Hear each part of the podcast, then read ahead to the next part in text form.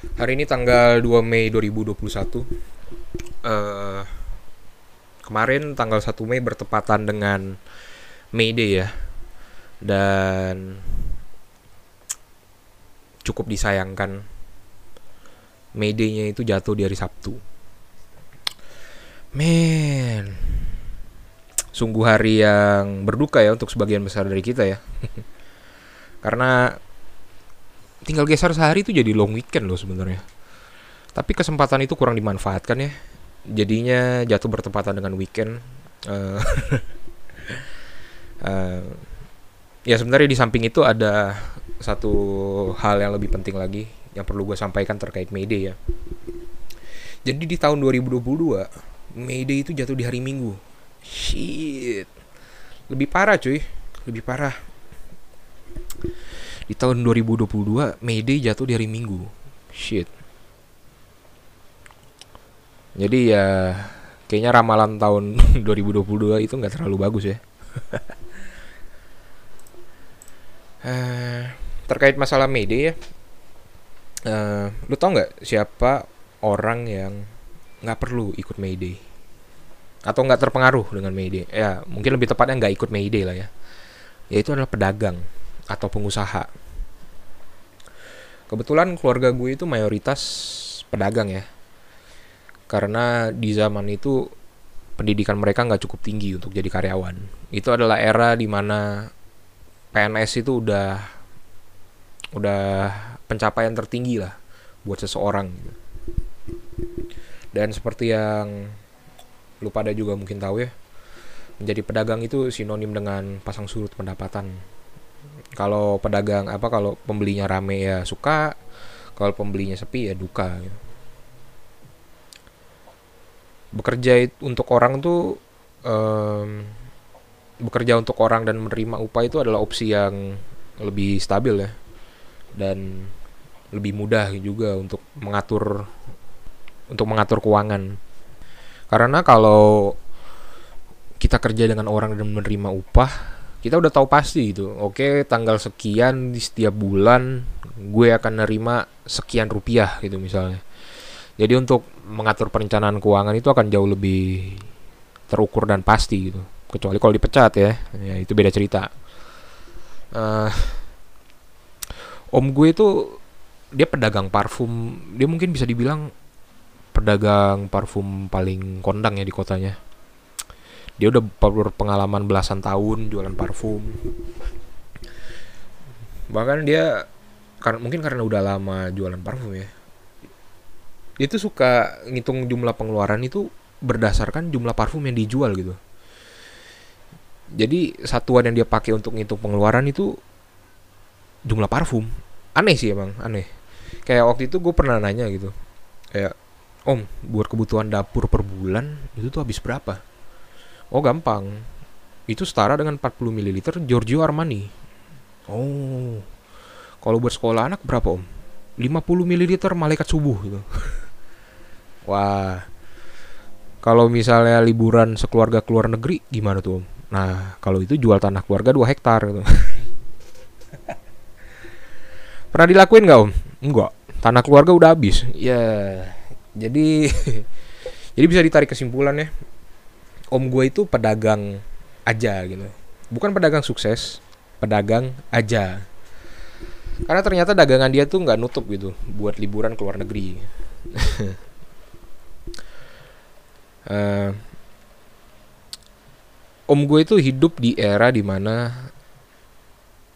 cita-cita orang tuanya itu adalah membuat anak-anaknya itu sekolah hingga pendidik hingga jenjang pendidikannya itu yang tinggi supaya apa? Supaya lulus dengan gelar yang bagus bisa kerja dapat penghasilan yang layak.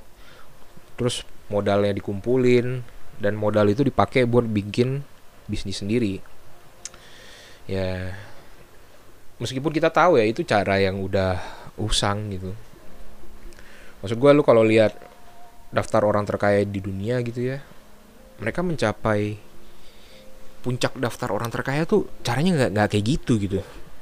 Tapi di saat yang sama kan orang tua kita nggak tahu itu siapa itu siapa namanya Jeff Bezos lah atau Warren Buffett gitu. Mereka nggak tahu. Jangan kan nggak tahu namanya ya.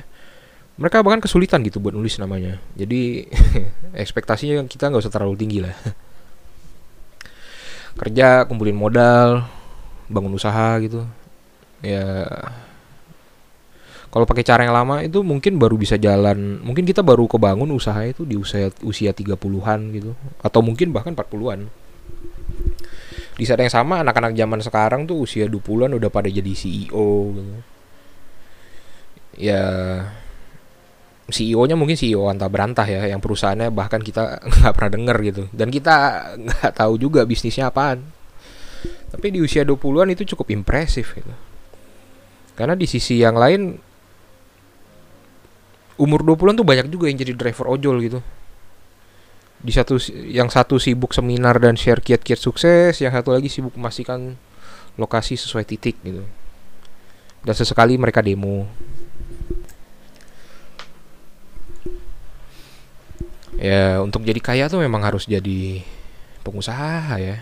Lu nggak akan menemukan nama seorang karyawan gitu dalam daftar orang terkaya. Yang masuk dalam daftar tersebut ya adalah bos dari karyawan itu. Sebagus-bagusnya sebagus-bagusnya kantor ya. Lu mau kerja di Google kayak di Amazon gitu. Tetap tetap yang paling kaya adalah bosnya. Jadi kalau lu pengen jadi orang kaya ya lu nggak ya jadi pengusaha itu adalah salah satu satu-satunya opsi gitu. Sebaliknya ya gue itu adalah orang yang mungkin paling nggak cocok berdagang. Gue sadar itu sejak awal. Sejak gue belajar akuntansi dulu di sekolah. Karena dulu gue bikin laporan pembukuan ya itu tuh nggak pernah balance cuy. Padahal aturannya kan harus balance gitu kan kayak kredit debit lah dan lain-lain gitu.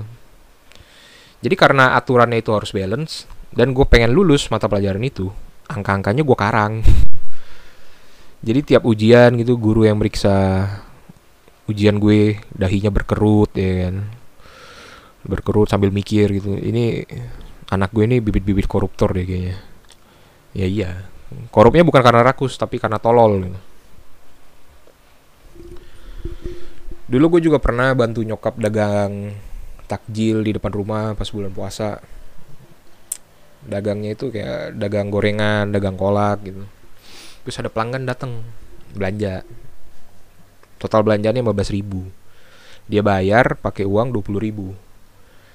Terus karena yang beli rame uh, yang beli rame terus karena buru-buru juga gitu gue panik. Gue balikin dia 8000 gitu.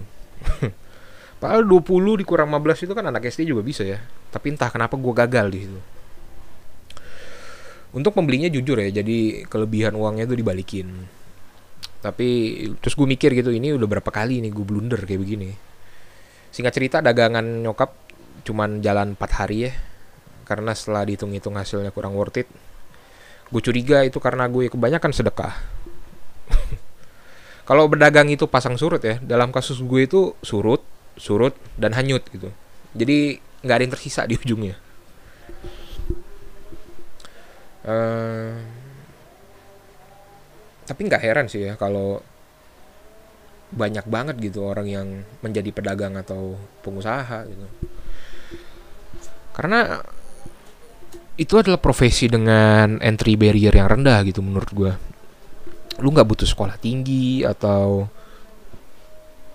lu nggak harus punya pengalaman berdagang sebelumnya untuk mulai gitu. Jadi siapa pun bisa mencoba dan mungkin akan berhasil kayak kisah om gue tadi gitu ya yang udah belasan tahun jadi pedagang parfum. Ya beliau bahkan pendidikannya itu nggak sampai SMA gitu. Sampai SMP doang nggak salah. Yang pada eranya sih itu masih cukup wajar ya. Bahkan setelah belasan tahun berdagang gitu ia masih berusaha membawa keluarganya liburan ke luar negeri. Ya masih berusaha dia.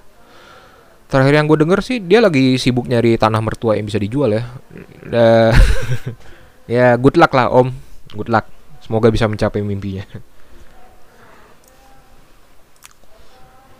uh, sekian lah ya sharing dari gue tentang kiat-kiat membangun usaha dari orang yang nggak bisa ngitung kembalian. Jangan lupa dengerin terus tanpa otak ya. Bye.